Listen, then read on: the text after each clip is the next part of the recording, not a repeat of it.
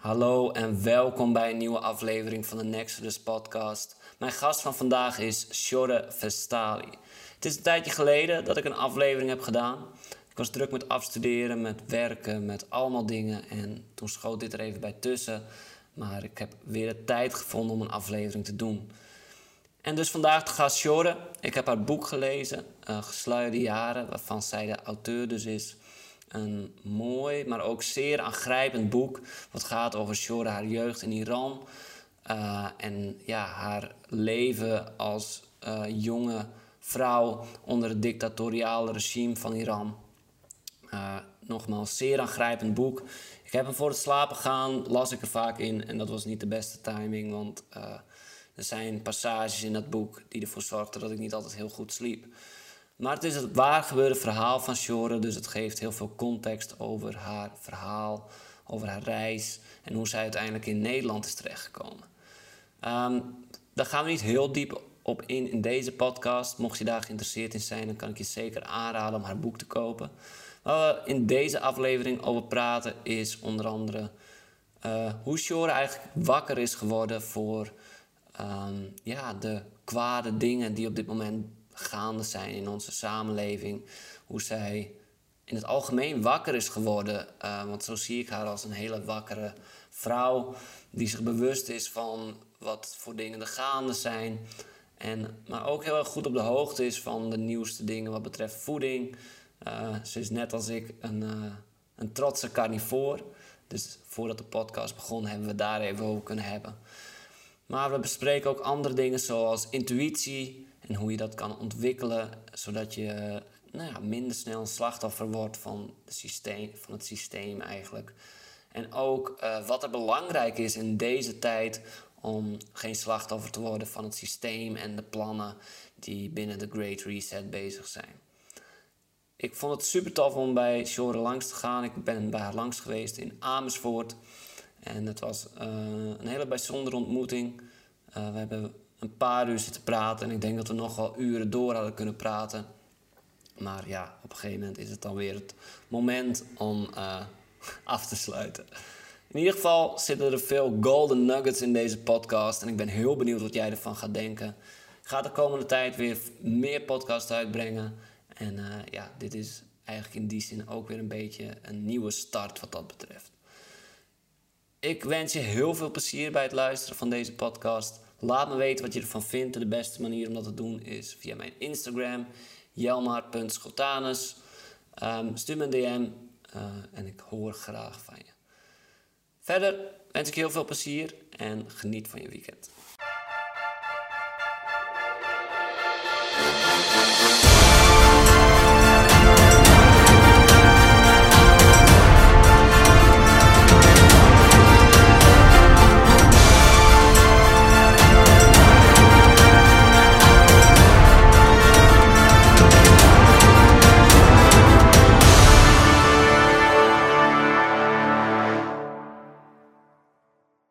Sjorre, welkom. Hi Janmar, dankjewel. Ik zeg nou welkom, dat zit zo in mijn systeem. Eigenlijk ben, ik niet, uh, ben je niet bij mij de gast, ben ik bij jou vandaag de gast in Amersfoort. Dus Janmar, welkom. Ja, dankjewel. Ja. Fijn dat ik hier even langs mocht komen. Eindelijk uh, hebben we beide even tijd gevonden om deze samenwerking te doen en dit interview te doen. Mm -hmm. uh, we hadden zo net al even een gesprekje van ongeveer een uur, wat ja. ook al op zichzelf bijna een, een podcast was. Ja, ik vond het ook interessant. Ja, dingen die wij hebben besproken. Veel dingen die we natuurlijk gemeen hebben. En uh, ja, ik denk dat we heel veel mooie dingen vandaag kunnen uh, bespreken.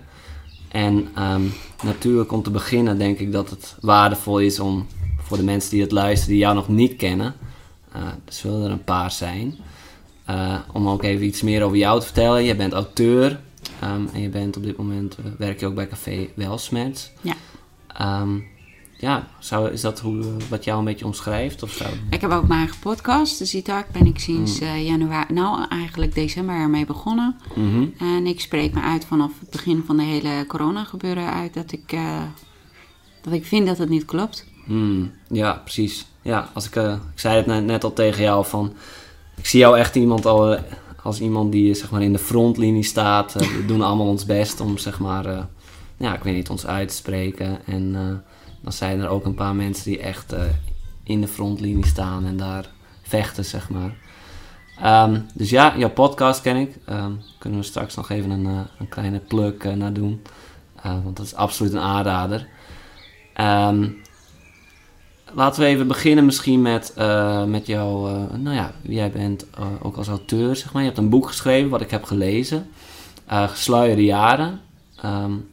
En het boek had, heeft echt heel veel uh, indruk op mij gemaakt. Uh, het is echt een prachtig boek. Dankjewel.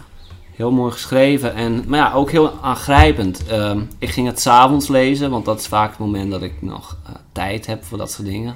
Tenminste, zo plande ik mijn dag wat in. En ik moet toegeven dat ik soms wat moeite had met slapen, omdat het ja? toch echt wel heel aangrijpend was. ja, de dingen die, daarin, die je daarin benoemt, van hoe het is om, was het was om in Iran te leven.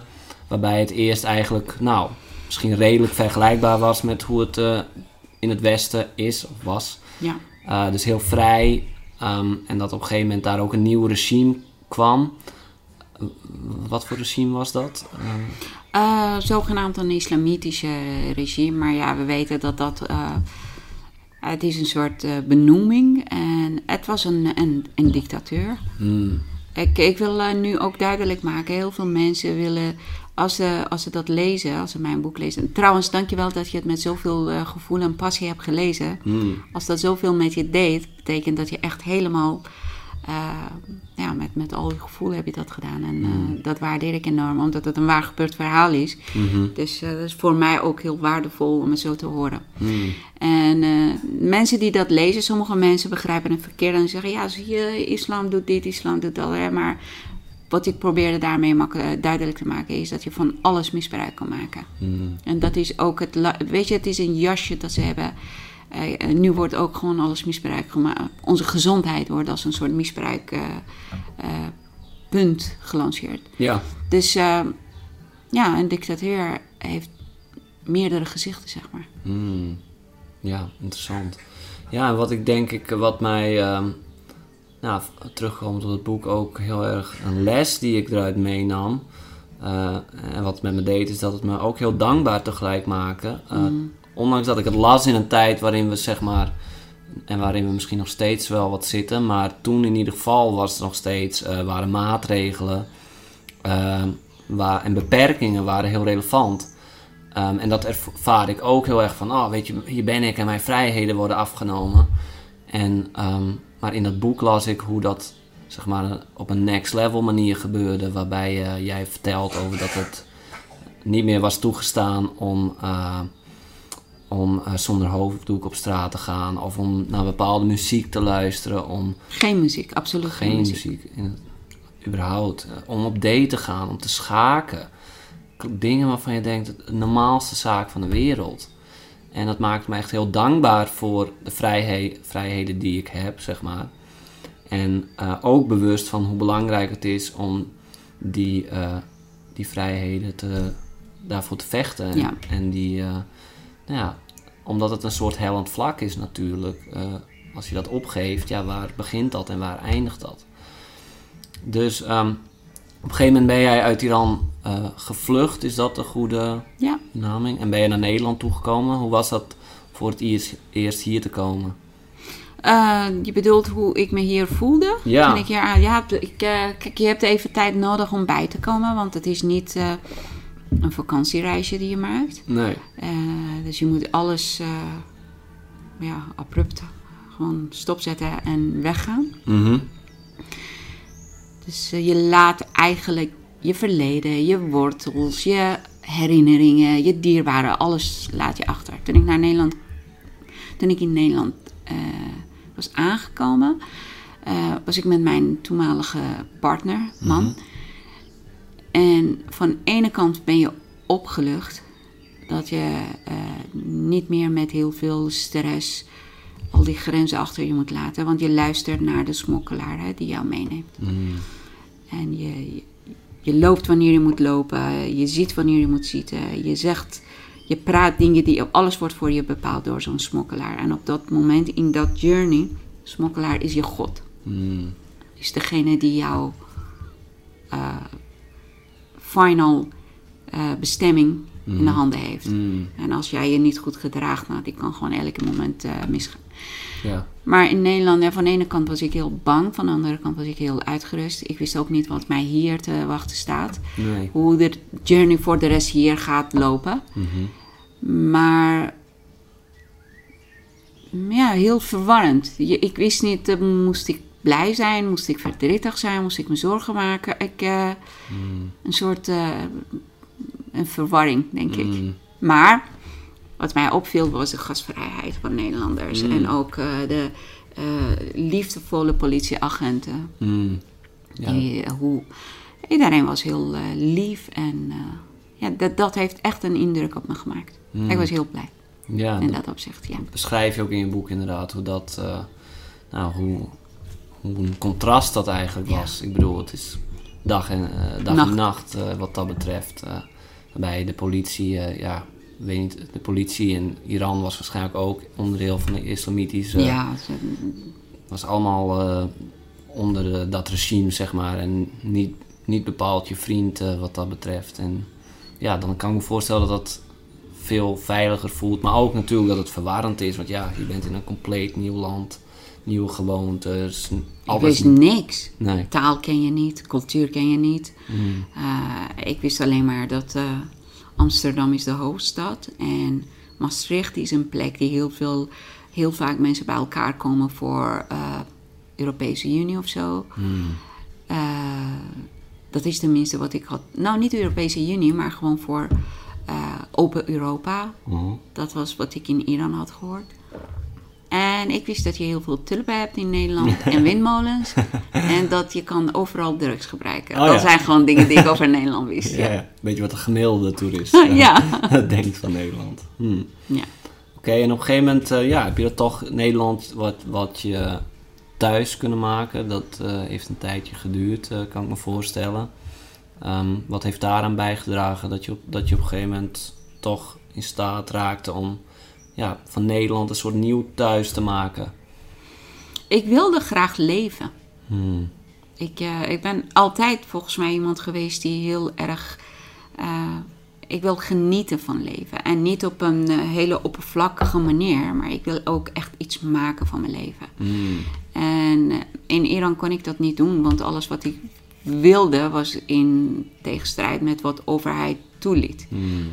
En toen ik hier aankwam, zag ik dat je kan eigenlijk alles doen wat je wil. Hmm. En het was voor mij een hele grote verademing dat ik kon gewoon naar muziek luisteren zonder gestraft te worden. Ik kon zonder hoofddoek op straat lopen. Die dingen waren voor mij ultieme vrijheidstekenen. Hmm. Dan dacht ik, man, nee, dit is... En, en Nederlanders waren lief en gastvrij en ze wilden graag helpen. Mhm. Dus ik had volgens mij alle, alles, alles eh, bij elkaar om een mooi leven van te kunnen maken. Hmm. Dus ik heb toen gekozen om, eh, ja, om me thuis te voelen in Nederland. Hmm. Ik genoot van alles wat ik aangeboden kreeg.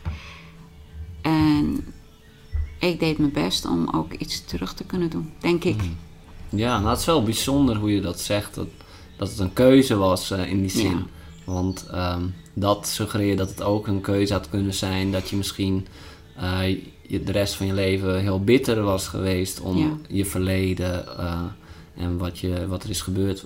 Want natuurlijk heb jij niet die keuze per se gemaakt om ehm, ja, slachtoffer te worden van zo'n regime en alle dingen die je beschrijft in je boek waar je doorheen moest gaan. Dat, dat, dat was misschien niet een keuze. Dus het kan voelen van, ja, dit is mij aangedaan. Frustratie. En toch heb je de keuze genomen van, ja, weet je, ondanks dat eh, durf ik nog te geloven dat er een goed leven ook voor mij is. En eh, die kans wil ik ook grijpen. En dat, nou, dat eh, is wel echt een teken van dapperheid, denk ik, wat dat betreft. Ja, ik zeg altijd, kijk, trauma's die jou overkomen zijn niet altijd je eigen schuld. Maar hoe je met een trauma omgaat, dat is je eigen keuze. Hmm, En eh, nou, niet elke keuze is heel makkelijk. nee. Dus eh, als je makkelijke keuzes maakt, Hmm, dan blijf je op een bepaalde niveau. En dat is ja. Ik ken ook heel veel mensen die. eh, ze willen heel graag in, in een veilig land terechtkomen. Maar als ze in een veilig land terechtkomen, dan zijn ze zo bitter, wat jij zegt, en zo beschadigd en zo boos en zo verdrietig dat ze alles hebben eh, achter moeten laten. Dat ze never nooit zichzelf kunnen ontplooien. Ze blijven in negativiteit en ze maken zich in, in vrijheid Ja. maken ze zichzelf, ze, ze maken een slaaf van zichzelf, een slaaf van verleden. Dan denk ik dan, dan ben je echt niet goed bezig. Hmm. Nee. Het is ja, Dat is wel eh, ja, fascinerend in een zekere zin van ja, de verschillende mensen kunnen zeg maar hetzelfde meemaken. Ja. En, maar de, de manier waarom ze, waarop ze er uiteindelijk mee omgaan, kan heel erg verschillen. Ehm, bijvoorbeeld, ik ken dan het boek eh, Man's Search for Meaning van eh, Viktor Frank Frankl, die in een concentratiekamp ook leefde. En ook eh, op een gegeven moment die keuze maakte van ik, wat ze mij ook allemaal afpakken qua vrijheden, zeg maar. Ik heb altijd nog de keuze om eh, te kiezen hoe ik hiermee omga en wat dit betekent, zeg maar. Deze hele situatie waarin ik me nu bevind. En die vrijheid, vrijheid kunnen ze me nooit afpakken. Ehm, en ik kan me ook voorstellen dat voor jou ook, juist omdat je in zo'n, eh, nou ja, eh, onderdrukt, in onderdrukking hebt geleefd, dat het echt als een, misschien, dat je, verademing. ja, is van ineens heb je zoveel Ja. mogelijkheden. Ja. Hoe zonde is het om dat weg, eh, weg te gooien? Mhm. En dat zie je wel met meer mensen die misschien op een andere manier eh, ehm, ja, tegenslag hebben meegemaakt. Bijvoorbeeld door ziekte en die weer gezond worden. En dan ineens ook het leven omarmen. Want zij weten van Ja. hoe, wat, het, Ja. wat de andere kant is, zeg maar. Ja.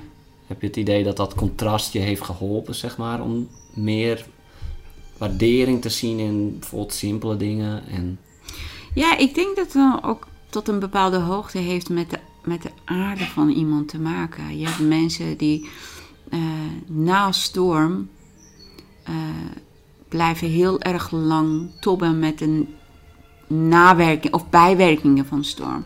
Maar je hebt ook mensen die na een storm, dan staan ze op, gaan gewoon even, oké, wat was mijn bestemming? En dan gaan ze. Dus sommige mensen onbewust genieten van eh, slachtoffer zijn. Sommige mensen kiezen om dat niet te doen. Blijkbaar, ik, ik hou niet van slachtoffer zijn. Daar, daar, je kan ook aan mij nooit zien hoe slecht ik me voel. Omdat ik niet medelijding in anderen wil naar boven brengen. Maar wel het liefst een positieve eh, compliment wil ik krijgen. Mm. En ik, ja, weet je, ik doe het niet om jou w- zover te krijgen dat je mij zielig vindt. Nee, ik doe het om jou het gevoel te geven dat je zegt, wauw, wat een kracht. Dat, dat, en dan als je dat tegen mij zegt, dan voel ik me nog krachtiger. Hmm. Ja. Dus eh, ja, wat we erover hadden, hè, wat je tegen water zegt en eh, als je drinkt. Hmm. We moeten wel beseffen dat hoe waardevol de woorden zijn. Je kan wel, weet je, je kan iemand 's ochtends wakker worden en die besteedt een uur lang tijd aan zijn of haar uiterlijk, kleding, make-up, alles. En die voelt zich helemaal mooi en tip-top. Als je buiten iemand tegen diegene zegt: Wauw, ben je moe? Wat ziet je er slecht uit? Je hele niveau van energie is verpest Ja. ongeacht met wat, weet je, dat, eh, dus dat zijn echt kracht van woorden dat je van anderen eh, hoort. Dus dan, dan moet je zelf ook zorgen dat jij de positieve woorden in anderen naar boven brengt. Tenminste, dat is wat ik eh, Hmm. verlang, zeg maar. Ja, mooi. Ik hoef, niet, ik hoef geen complimenten te krijgen, dat, dat niet. Maar ik wil zoveel positieve energie uitstralen dat anderen dat voelen en dan ook een positieve houding krijgen. Weet je, dat. Ja, een soort aanstekelijke Ja.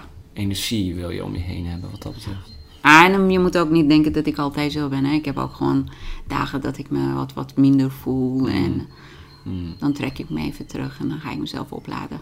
Ja, en in je boek eigenlijk toon je jezelf ook wel toch heel kwetsbaar. En, en, maar dat is niet... eh, als ik het lees bijvoorbeeld, ik weet ook niet of het medelijden is dat ik voel. Ehm, in kwetsbaarheid zit juist ook heel veel kracht. Ja. Namelijk, je laat zien, ik, ik durf mijzelf bloot te leggen. Ja.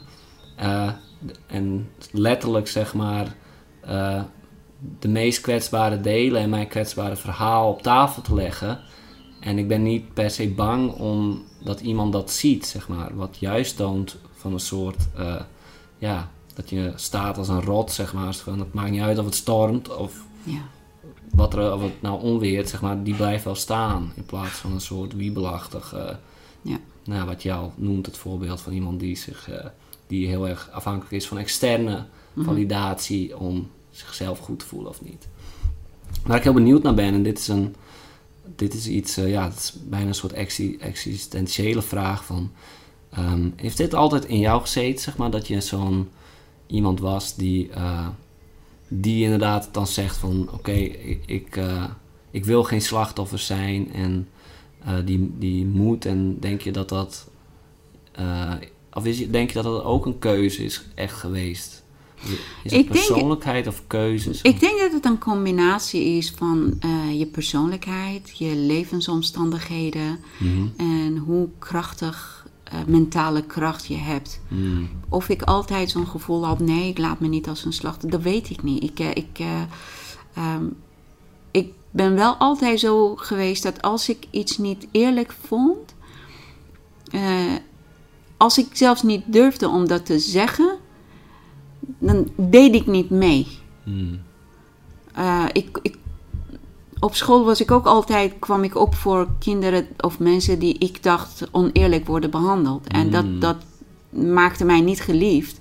Maar het boeide me niet, want de pijn van anderen en die onrechtvaardigheid, die, die deed veel meer pijn bij mij. mm, En thuis ook. Ik, eh, als ik ergens niet mee eens was en als ik ook bang was om het te benoemen, dan trok ik heel, heel onzichtbaar weg. En eh, ik zorgde op een hele subtiele manier om het toch niet te doen. Mm, ja, het En, ook een eh, soort rebelsheid bijna. Ja, en, en als, kijk, als ik een podium had, dan ging ik ook gewoon keihard. Nee, nee, nee. En als het, eh, als het eh, gevaarlijk was, dan.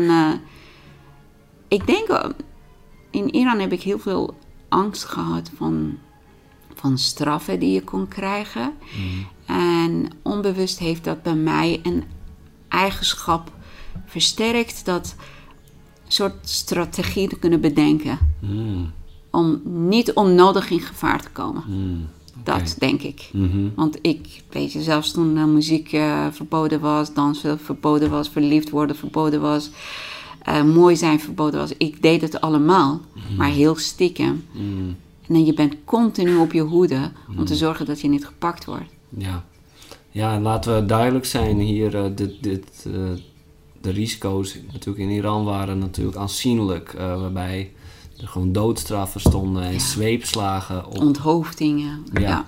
Dat was voor jou de orde van de dag, eh, dat dat soort dingen gebeuren. En ik herinner me dus het verhaal van die man ook die ging schaken met zijn buurman of vriend. En die ook uh, daarvoor de doodstraf... Ja, opgehangen. Ja, En hij was een van de zoveelste. Hè? Het is niet dat het één geval was. Nee, precies. Nee, absurd. En uh, nou, op een gegeven moment, uh, ik bedoel, ik kan me voorstellen dat je daardoor een soort radar ook ontwikkelt ja. uh, voor onrecht, zeg maar. En ook voor dictatoriale systemen, zeg maar. Ik bedoel, jij weet hoe dat reilt en zeilt.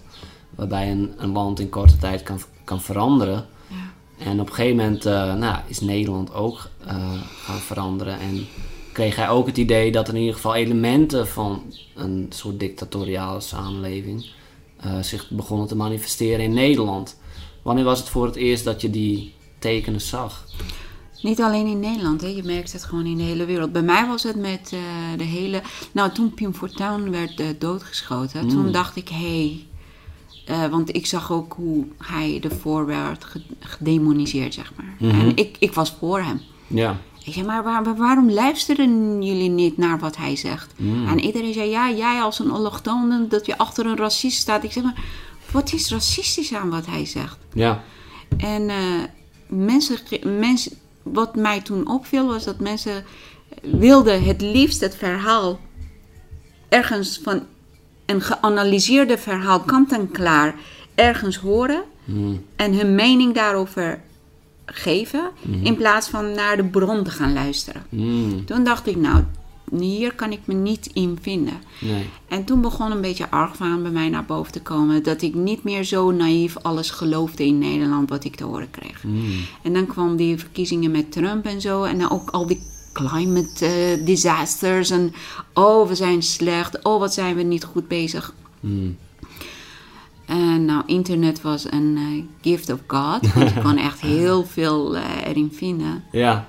En eh, ja, hoe meer ik zelf ging onderzoeken, hoe meer ik achterkwam, jeetje, niks klopt wat ik tot nu toe dacht. Mm. En nou, met de verkiezingen van Trump en hoe hij gedemoniseerd werd. En mensen maakten hem belachelijk vanwege de kleur van zijn haar en hoe hij praat. Zeg maar, waarom is de uiterlijk en verpakking voor jullie zo belangrijk? Kijk naar de inhoud, luister naar de inhoud. Mm. De oppervlakkigheid van de massa viel mij heel erg op. Mm. En eh, nadat eh, Trump eh, niet gekozen werd. Oh, met Balkenende had ik het ook. Mm. Niemand in Nederland was blij met Balkenende. Mm. En hij werd elke keer opnieuw gekozen. En dan dacht ik, oké, wie stemt op hem? Als, nie, als niemand blij is met hem. Want mensen zeiden Balkenende, bakellende. Oh nee, we willen hem niet, we willen hem niet. En dan met Rutte ook. En, eh, dus ik zag heel veel dingen die niet klopten met hoe het was. En dan kwam eh, corona. En dan was het. Ik kreeg te veel signalen die mij herinnerden aan wat ik in Iran meemaakte of had eh, meegemaakt. Onzichtbare vijand, we moeten met z'n allen vechten voor iets die je niet ziet, Mhm. maar je moet, je, eh, die is gevaarlijk Mm. en je moet het, eh, je moet het tegenhouden. Ik zei, ah, ah, ah, nee, nee, niet nog een keer. Dat gaat mij niet nog een keer gebeuren. Nee, nee, nee. En toen begon ik gelijk met een open brief aan Mark Rutte. Mm. En de maatregelen die heel erg leken op die sancties die wij in Iran hadden. Het waren te veel flashbacks.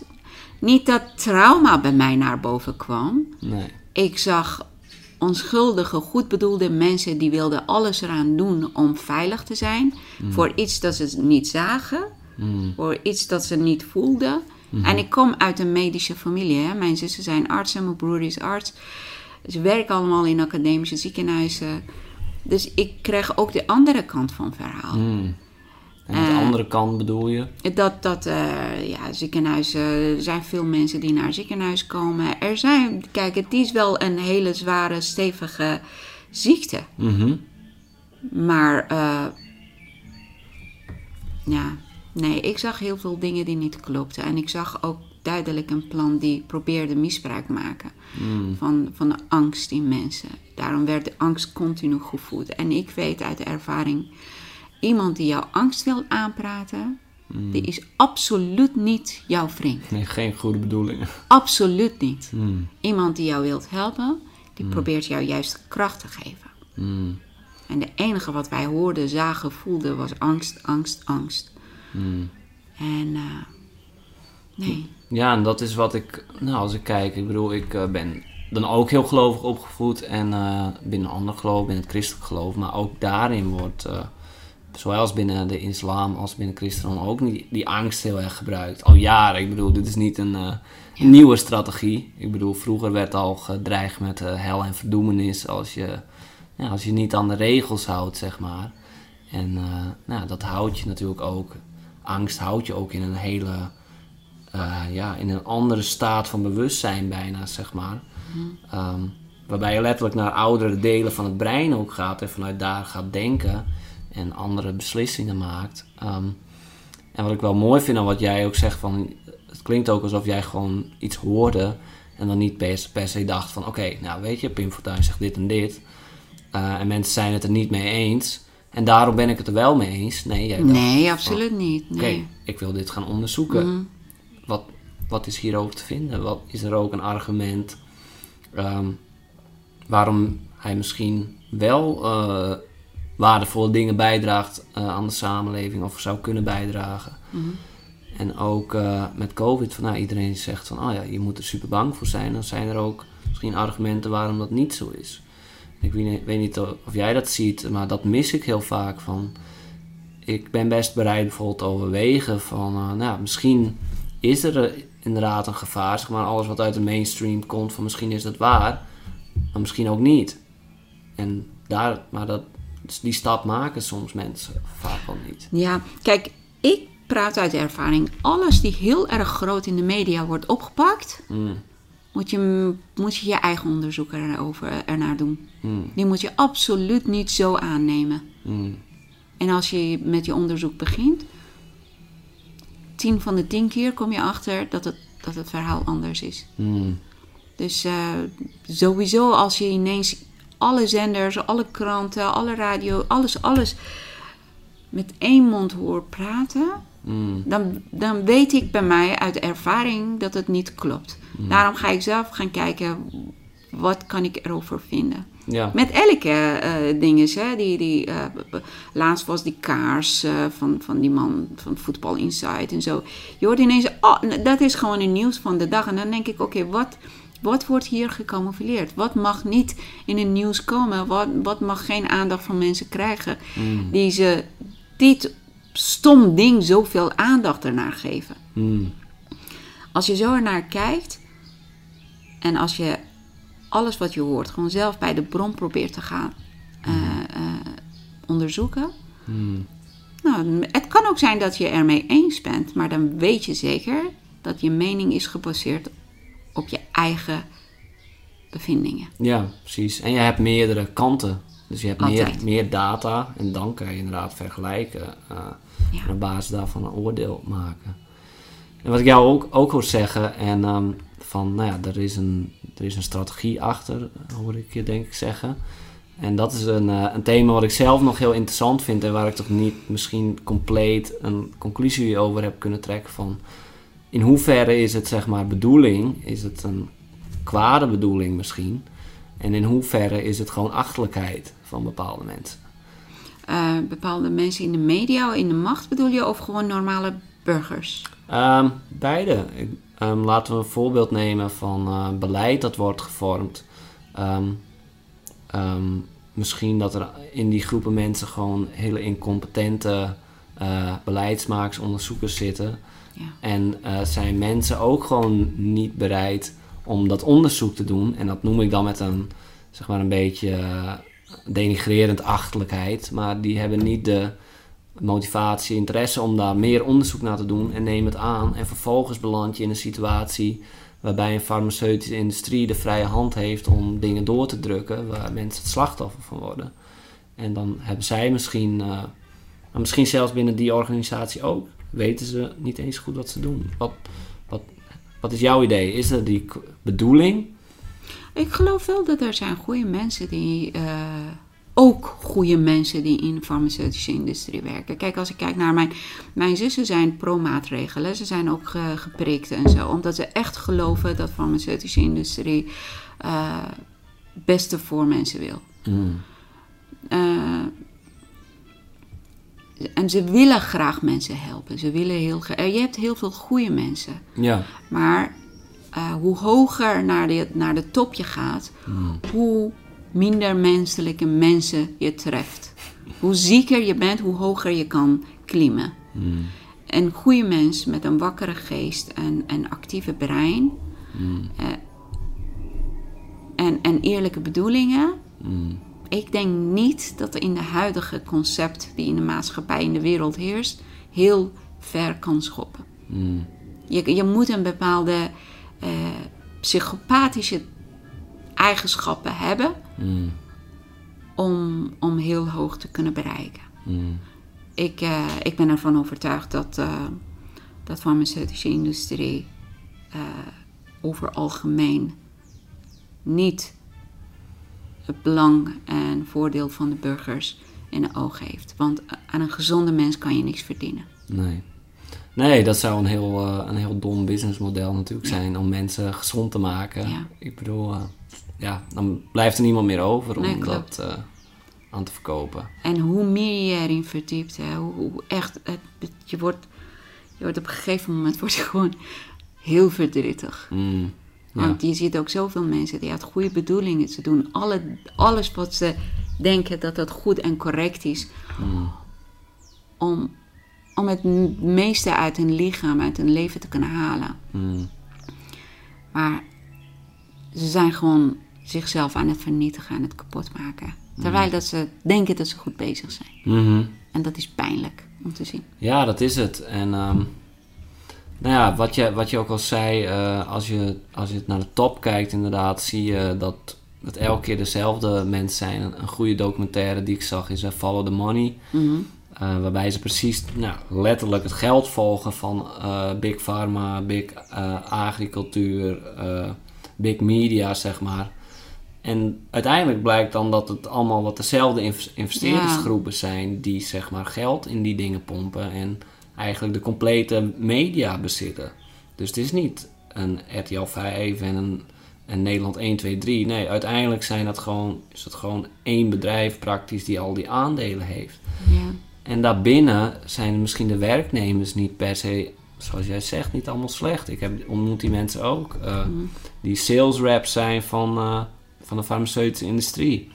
En die, alles wat ik zie is niet dat het een soort mensen zijn die echt uh, psychopathisch zijn en mensen kwaad Ja, willen doen. ja. Eigenlijk zijn ze gewoon overtuigd van, Ja, van het hele verhaal dat eh, die industrie pusht. ja, En nou, ik weet niet, daarin zie ik ook zeg maar de rol van, eh, van individuen in die zin van het, het systeem wordt ook voor een groot deel in stand gehouden doordat mensen niet die onderzoekende houding die jij hebt aannemen van nou, misschien klopt hier iets niet. Misschien is de baan die ik heb, draagt die bij aan een systeem waar ik het eigenlijk helemaal niet mee eens ben.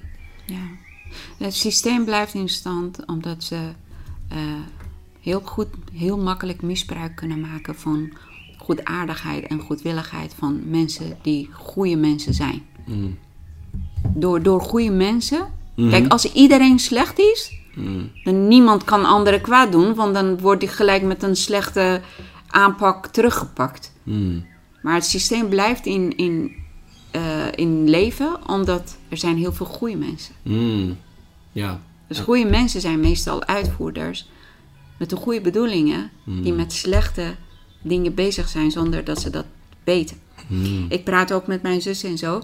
En ik zeg, ja, eh, want ze waren ook, ja, afstand houden, mondmaskers, dit, dat. Ik zeg, luister. Welk van die dingen draagt bij aan de weerstand van mensen? Mm. Isolatie? Nee. Mondkap? Nee. En ze zeiden het ook van, nee, klopt. Nee, klopt. Nee, klopt. Nee, klopt. En dan zei ik, nou, waarom, waarom zeg je, geloof je dat, dat zo'n prik of die maatregelen echt nodig zijn? Mm. En de enige wat ik ervoor terugkreeg was, ja, maar waarom, waarom zouden ze dat, waarom zouden ze erover liggen dan? Al die grote namen, al die grote indust- eh, farmaceutische industrieën. Weet je, maar is dat je argument? En dat, dat is triest dat zulke slimme mensen vertrouwen een externe organisatie of andere mensen die ze niet eens kennen, Ja. die vertrouwen ze meer dan hun eigen beredeneringsvermogen. Mm. Ja. Dat vind ik triest. Mm. Hoe ver ben je van jezelf verdwaald? Of gedwaald, hoe zeg je dat? Mm, ja, verdwaald. En eh, ja, dat is ook. eh, nou ja, ik heb een achtergrond in psychologie en daarin wordt ook gesproken over cognitieve dissonantie. En ehm, dat wanneer jij iets doet waarvan je eigenlijk weet dat het niet eh, in overeenstemming is met jouw waarden. Dus bijvoorbeeld, jij hebt de waarde van. eh, nou, je wil het beste voor mensen en je doet vervolgens iets wat niet in overeenstemming is, dan ervaar je dat gevoel van onbehagen: van oké, dit klopt niet, eh, dit is niet goed. En toch zijn mensen dan vaak geneigd om te verantwoorden en te rationaliseren waarom ze die keuze maken. Zo van, ja, dat doe ik, want ehm, bijvoorbeeld die, die farmaceutische industrie kan niet slecht zijn. Ja, Want als je dat toegeeft, aan jezelf moet toegeven dat, dat, dat zij slecht zijn en jij hebt een bijdrage geleverd, dan he, ja, dat is best pijnlijk voor het zelfbeeld. Zo van, oh wauw, eh, ik heb hier ook een rol in gespeeld. En dat, dat merk ik bij mezelf ook bijvoorbeeld met voeding. Van, eh, toen ik daar voor het eerst andere keuze in ging maken. Van ja, elke cent die ik spendeer bij de Albert Heijn, zeg maar, draagt wel bij aan eh, de bonus van een topman Ja. die er helemaal geen goede dingen mee doet. En in plaats van dat ik naar de markt ga en bij een lokale boer zeg maar mijn geld uitgeef. En eh, ja, dat is best confronterend soms om in te zien wat voor invloed je zelf hebt in die zin. ja. Ja, het is ook hoe die gemakzuchtigheid die in, in, ons is. eh, geïmplanteerd. Mm. We zijn wel. eh, het is makkelijk om voor iemand anders te gaan werken, 's ochtends naar ergens anders gaan en opdracht van anderen uitvoeren. Na eind van de dag naar huis komen en dan gelijk één plek binnengaan, één winkel, één supermarkt binnengaan. Alles wat je nodig hebt, gelijk in je karretje kunnen gooien. Naar huis komen en weet ik veel, het liefst zo snel mogelijk iets in elkaar zetten en eten. Mhm. Eh, In plaats van één of twee keer per week naar de lokale markt te gaan, tijd voor vrijmaken, onderzoeken, kijken, oké, bij deze kraam kan ik dit het beste halen en bij die We zijn zo in een opgejaagde leven terechtgekomen Mhm. Dat we de waarde van eh, tijd vrijmaken voor dingen die voor ons lichaam belangrijk zijn, niet meer beseffen. Mm. Ja. We willen wel het liefst op onze luie kont zitten op de bank en vloeken naar een sporter die die, strij, eh, die wedstrijd volgens ons niet goed uitvoert. Mm. En met een zak eh, popcorn of een eh, bakje popcorn in onze handen en hem bekritiseren. Ja. In plaats van naar buiten gaan en hardlopen of weet ik veel, zelf naar een sportschool gaan en kijken of wij überhaupt iets in een sport kunnen doen. Ja. Mhm. Het is een gemakzuchtigheid, cultuur, opgejaagdheid. eh, alles zo makkelijk en zo snel mogelijk willen eh, klaar hebben. Ik heb het ook, hè. Mhm. Als ik bijvoorbeeld eh, de kantoor, dan druk ik op voor, voor koffie. Als ik koffie... Laatst had ik het gevoel, waarom duurt dit zo lang? Ik zei nou, alsof ik zelf die boontjes moet gaan... te- weet je, de- de- Ja, ja. eh, Ik moet alleen maar op het knopje te drukken. In totaal duurt het misschien 15 seconden of zo. En zelfs dat vind ik te lang Ja, duren. Ja. Dus je, je wordt meegezogen in een verkeerde stroom. Zonder dat je dat beseft. Ja. Dus continu alert zijn. En dat is ook wat ik vind dat ze proberen van ons af te nemen. Bewustzijn. Mm. Bewust eten. Bewust praten. Bewust denken. Bewust bewegen. We doen alles op automatische piloot. Mhm. Ja. We eten omdat we dat lekker vinden. We, eh, weet ik veel, we kijken naar tv omdat ja, het is wel leuk. Eh, socia- we hadden het over die vrijdagmiddagborrel en zo. Wat onder gezelligheid wordt geconsumeerd, is puur gif voor je lijf. Mm. Ja. Maar we zijn zo geprogrammeerd. Beer is lekker gezond. Nou, het is gezellig. Het is gezellig om bitterballen te eten. Het is gezellig dit. Het is gezellig dat. Het is, het is alles behalve gezellig. ja. Gezellig om jezelf te vergiftigen met... eh, Ja, en we dit- maken onszelf kapot. Ja, alcohol. En, en wat mij verbaast, en, eh, is ook, eh, en eigenlijk zou het me niet moeten verbazen, maar wat jij ook al noemt, dit, dit speelt eigenlijk bij iedereen. Dit is een universeel eh, iets voor mensen. Wij willen gewoon de makkelijke route. Evolutionair superhandig. Ik bedoel, vroeger als jagers en verzamelaars, stel je hebt die makkelijke route om die bison te vangen, Ja. of een hele moeilijke. En je hebt er iemand in tussen de- bij de stam die zegt van... Nou weet je, ik ga vandaag de moeilijkste route kiezen. Dan is het echt van Henk, oprotten, weet je wel. Jij hoort er niet meer bij. Zo, wat moet je met zo'n iemand? Maar nu heb je de optie van ja, die bison is een snicker geworden. En de hele winkel ligt er vol mee. Plus het ligt precies op de goede ooghoogte. Ja. In het goede schap. En de, op de, manier, de winkel is op een manier ingericht dat het, dat het jou de, de kans vergroot dat je die producten koopt. En ook prijswijs. Ook Prijzen, ja, het, alles wordt zo, is precies zo gemaakt. eh, kleuren. ja, eindeloos. Alles, alles. En ik zie ook, eh, en dat vind ik zo interessant, dat dit is voor mij nog steeds een ding. Eh, bijvoorbeeld eten is iets waar ik nu mee werk, van wat jij noemt bewust eten. Ik was iemand die altijd voor de tv at en dan gewoon een beetje onbewust eigenlijk, gewoon mindless, dan zitten eten en niet per se aandacht voor het eten, wat ook. Dus dat wil ik ook eh, benadrukken, van dat het ook bij mij nog steeds speelt. Maar ik zie ook bij mensen die zeg maar de term wakker claimen, van dat hij dan zegt van ja, ja, en ik ben wakker en al die schapen. En dan denk ik, oké, nou ja, ik zie ook wel een paar dingen waarin jij je misschien als een schaap gedraagt, weet je wel. Als je dan vervolgens op vrijdagavond eh, een avondje Mark Rutte gaat belachelijk maken met een schaal bitterballen en een krab Ja. En een slof sigaretten. Dan denk ik, ah, oké, ja, interessant, Ja. weet je wel. Ja. Ehm, Ik moet wel een, eh, iets bekennen. Ik eet ook voor de tv. mhm. maar ik kijk niet, eh, absoluut al heel lang, niet naar, jarenlang hoor. Niet naar nieuws of dit of dat, eh, eh, echt niet. Maar omdat ik ook de hele dag ook met al die dingen bezig ben die niet klopt op aarde en zo, heb ik mezelf besloten. Dan zet ik, dan ga ik, ja, ik eet ook meestal alleen.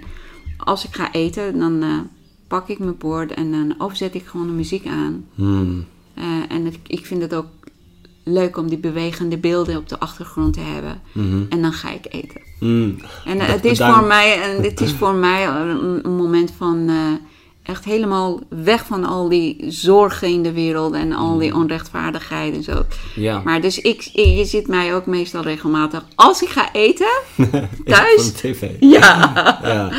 ja. Nou, dappere bekentenis. ja bij deze. Nee, nu weet heel Nederland het eh, bij deze.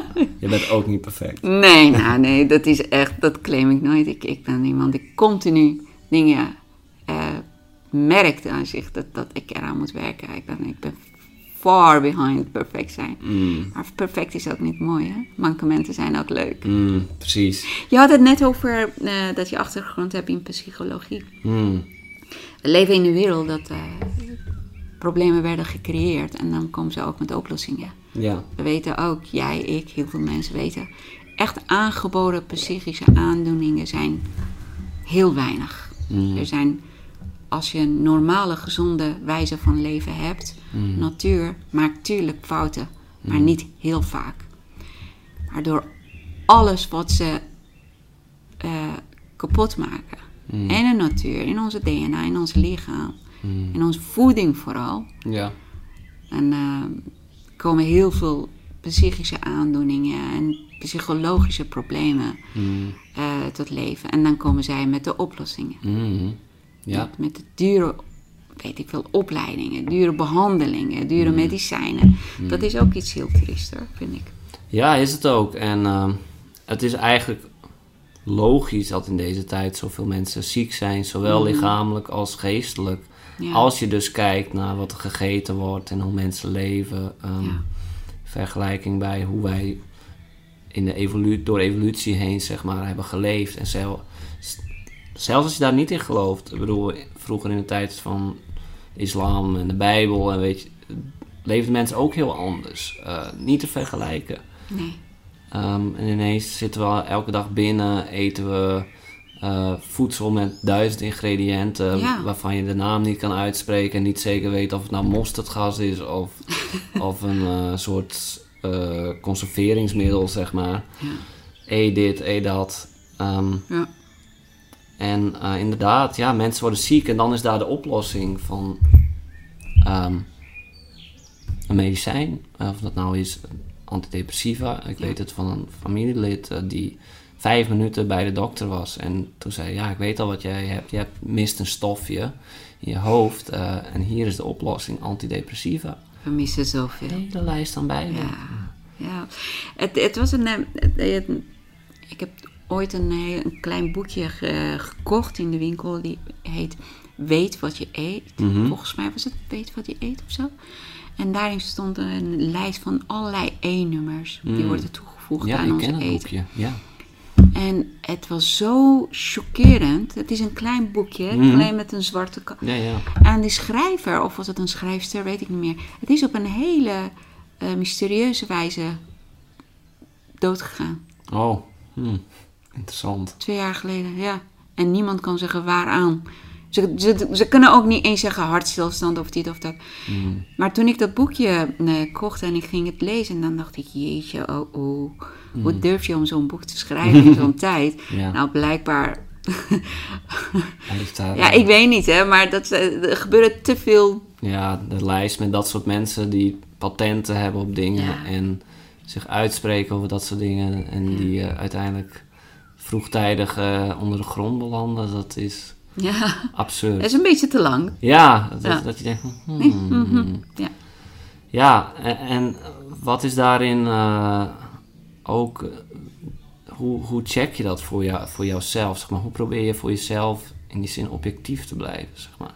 Omdat er zoveel informatie is tegenwoordig. Je hebt aan de ene kant de mainstream.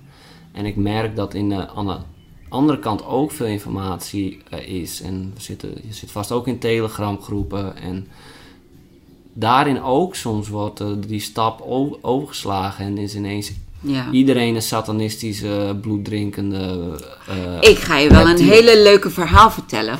Vertel. Echt, het is een hele leuke verhaal. Ik, ik maak ook interviews bij Café Welsmers. Hè? Mhm. Gisteren zat ik op de bank en dan komt een collega naar mij toe van Café Welsmers. Die zegt, Chore, je bent, je bent een spionage. Ik zei, ja, ik? Hoezo?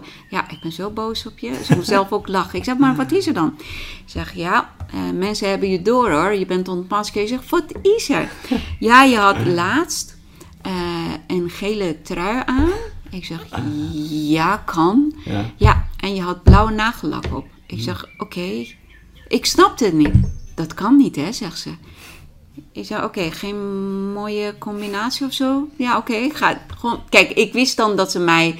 eh, dat ze een grapje aan het maken is. Maar ik had het nog steeds niet door. Nee. En eh, ze zei, je hebt het nu nog steeds niet door. ik zei, nee, ik weet niet waar je het over hebt. Ja, mensen hebben het door dat jij... eh, indirect of genuanceerd voor Oekraïne opkomt. Mhm. Ik zei, hoe? Oh, blauw en geel. Oh, ik moest lachen. Ja. Dus ja. dat is gewoon wat je zegt. En je kan de- gewoon doordraaien. In Ja, ja. alles iets. Dan denk ik, mm, come on. Ik had hem... Ja, eh, die, die, die nagellak had ik al weken, want het was een gel ding. Ja. En toevallig had ik ook één dag een gele trui aan. Maar ja, oké, prima. En de- deze collega's waren ook echt oprecht, zeg maar, eh, gefrustreerd dat je dit deed. Nee, nee, nee. Ze, Oh. ze vond het, ze wou mij in de maling nemen, weet je. Het was echt een grap. Ze zei, eh, toen, toen ik ook die opmerking las, dan moest ik gewoon lachen. Ik zei, ah, hmm. dan ben je, dan ben je zo verdwaald. En je weet niet eens meer waar je op moet letten. Nee, en dat is een lastig iets, merk ik. Ja. Bij veel van mijn vrienden ook. En nou, ik heb dan ook nog een paar mensen om me heen die soms even die bubbel waarin ik zit en waar we beiden misschien wel wat zitten, even doorprikken. Zo van, eh, ja, misschien niet. Misschien Mhm.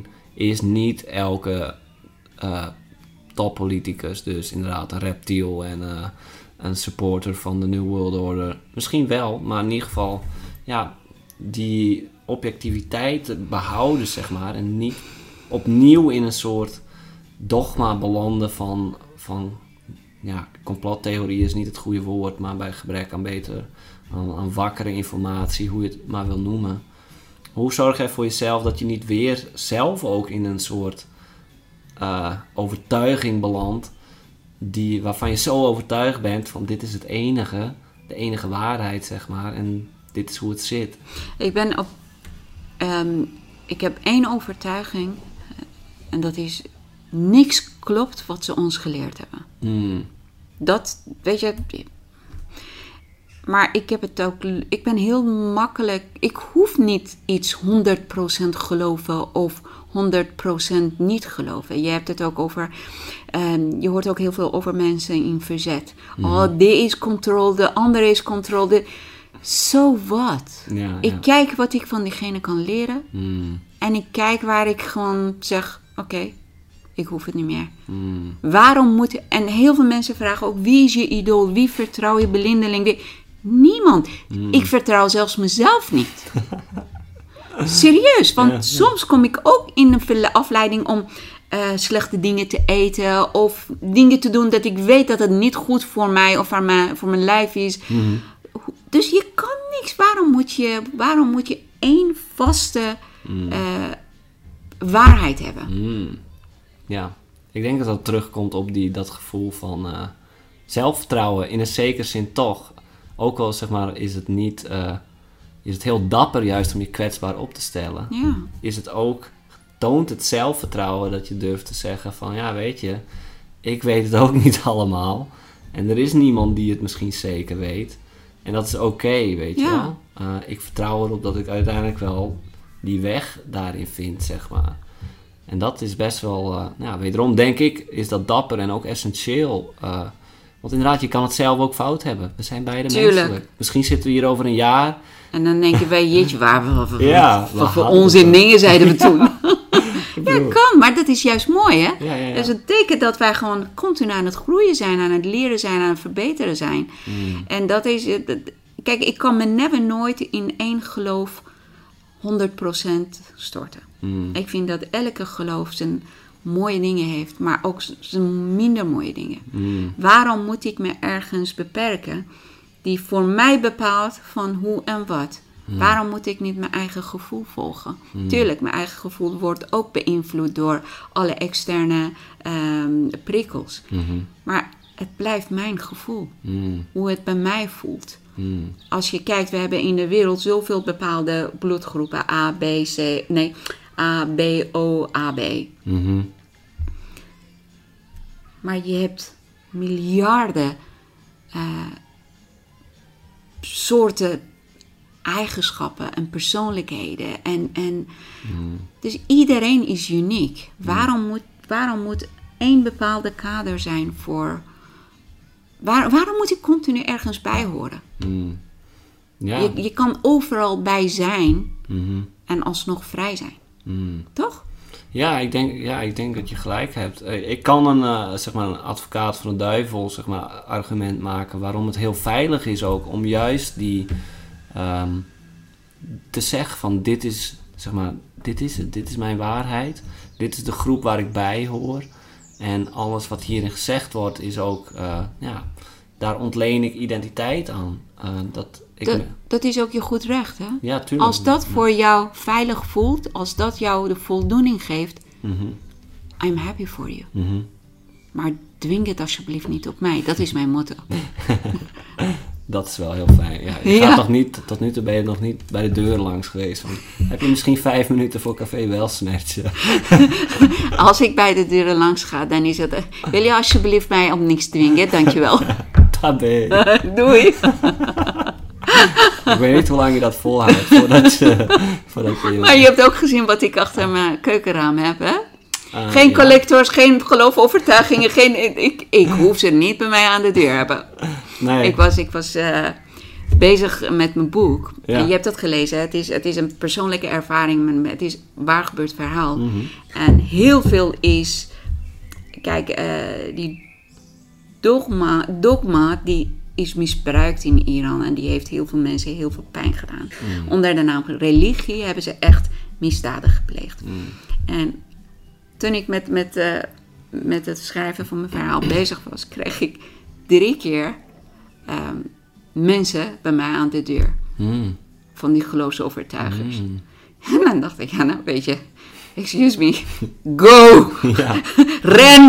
Ik ben niet in de stemming hoor. Ja, oh. Maar toen heb ik gewoon dat ding achter mijn raam gezet. Want, en dan denk ik, hoe... Ik vind het ook eigenlijk brutaal, hè? Om iemand te benaderen zonder dat diegene dat wil. Mm, Om te overtuigen van waar jij van overtuigd bent. mm. Ja. Dat vind ik... eh, eh, ja, ik, vind- ik vind het heel brutaal. Nou, en ja, ik, wat ik, ik weet niet waarom me dit zo fascineert, maar dat, ik vind het zo interessant om te zien hoe die dynamiek, zeg maar, die wij zien eh, en die heel veel mensen zien in, zeg maar, eh, de mainstream, laten we het zo noemen, of bijvoorbeeld binnen religie, eh, en waarvan we zeggen dat is onderdrukkend, hoe die een vraag die ik altijd aan mezelf probeer te stellen, die ik binnenkort ga laten tatoeëren, want het is zo, zo'n sterk thema voor mij van hoe manifesteert dit zich bij mij? Dus bijvoorbeeld een religie, laten we dat als voorbeeld nemen. Op een gegeven moment was ik echt heel atheïstisch. Ik Om- ook. Ja, Ja. en, en echt in een oorlog tegen God. Echt Ja. eh, wat, wat, je, wat ze noemen militant atheïsme. En ik probeerde iedereen ervan te overtuigen dat het atheïsme het goede was. Ja. Zo van een Is dominee. logisch, toch? Ja, Ja. Het is, ja, zo kwam het over. Ja, Ja. ja, ja. ja. En eigenlijk val je dan in precies dezelfde Klopt. dynamiek. ja. En dat zie je ook misschien, ja, ik zie dat ook met, eh, met COVID en met wakkere mensen. Mhm. Dat die ook weer van mensen die gevaccineerd zijn, die moeten we buiten sluiten. Nou, En dan denk ik, wauw. ja. Nee. Zie je dat soort dingen ooit? Ja. Kijk, ik, ik- en eigenlijk, ik denk het, mm, Nee. Ik heb niemand in mijn omgeving die zegt: Oh, die moeten wij buitensluiten, dat moeten wij buitensluiten. Want ik denk dat ik ook onbewust zulke mensen niet in mijn omgeving krijg. Mm. Eh, ik heb echt respect voor iedereen, zolang dat ze hun eigen mening niet op mij dwingen. En eh, ik was ook een tijdje keiharde atheïst en Richard Dawkins eh, en al die dingen. Ze hebben ook goede argumenten, weet je. Maar ik krijg steeds meer en meer respect voor. ehm, ik hoef niet een bepaalde geloof te benoemen, maar ik geloof wel dat het een creator is. Dat het niet de Big Bang en zo. Daar geloof ik niet meer. Niet meer erin, ja. En toen dat ik een keiharde atheïst was, het kwam omdat ik zoveel pijn heb moeten lijden onder de naam van geloof. Ja. Maar ja, we- we- weet je, als jij een hete thee drinkt, en thee is te heet en je verbrandt je keel en je mond alles, betekent niet dat thee slecht is, hè? jij hebt het, jij hebt, ja, jij hebt gewoon pech gehad. Je hebt het op verkeerde temperatuur gedronken. Ja. Je, je kan daarna never nooit meer thee drinken. En tegen, als je thee drinkt, Dan dan verbrand je. forever. Ja. Of je kan gewoon beseffen dat, dat het niet jouw juist, of het was niet de juiste timing om het Ja, op te drinken. En als je het op de juiste timing, de juiste temperatuur, juiste sterkte drinkt, kan je ook heel veel ervan genieten. Wauw, dat is echt een goede metafoor. Die- Ja, dus je kan gewoon van alles een drama maken. Ja, ja. Maar je kan ook alles, ja, met de juiste dosering kan je van alles iets heel moois maken. Mm. Zelfs pijn, Mm. Juist de dosering van pijn, die kan je ook heel veel leren. Mm. Sterk maar, als je gaat sporten, je moet een bepaalde pijn lijden om je spieren te kunnen trainen. Mhm. Je kan niet alleen maar aaien en verwachten dat je krachtig wordt. Dus pijn kan je krachtig maken, maar pijn kan je ook gewoon voor altijd beschadigen. Ja, Hoe jij ernaar ja. kijkt. Ja. Dus leven is zo mooi, Janmaar. Mm. Zo mooi. En zoveel kan je uit het leven halen. Mm.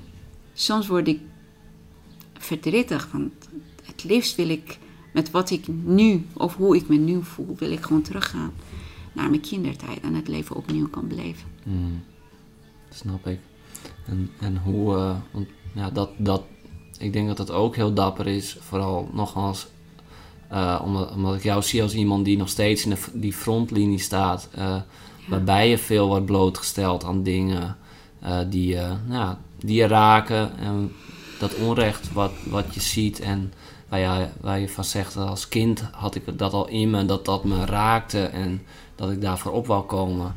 En dat zie ik jou nog steeds doen. En terwijl ik hier zit bij jou, ben je ook nog steeds heel vrolijk en, eh, en, en aardig. En kunnen we, kunnen we lol hebben.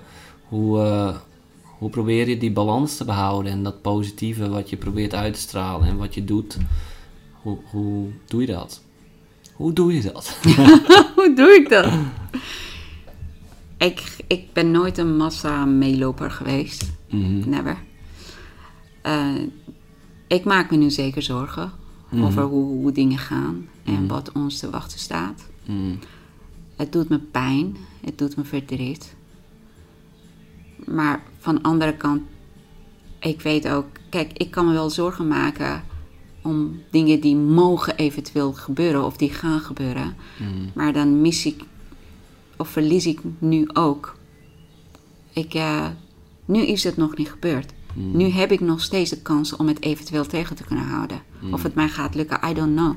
Maar ik ga wel eh, mijn best doen. Mm. En ik, ga, ik kan ook geen vrede met mezelf hebben als ik later terugkijk en ik denk, ik heb toch niet alles gegeven wat ik kon doen. Mm. Ik spreek me uit. Ik hoop dat ik zoveel men- mogelijk mensen kunnen bereiken. Ik heb het leven niet makkelijker gemaakt voor mezelf. Ik ben mijn baan kwijtgeraakt. Ik ben in een financiële... Nou, niet problemen, maar gewoon in... Ja, oké, financiële problemen gekomen. Ik moet veel, veel beperkter leven. Mhm. Maar ik wil niet dat mijn kinderen of mijn kleinkinderen in een wereld leven die ze niet eens weten hoe het is om, om jezelf vrij te voelen. Mm. Ja. En eh, tegelijkertijd, ik kan elke dramatische verhaal in een grappige jasje doorvertellen. Mm. Ik kan je ik kan je het meest trieste verhalen die ik in mijn leven heb op een komische manier in jou vertellen. Dat je, dat je gaat lachen zelfs. Maar niet omdat je aan het genieten bent dat het zo is gegaan.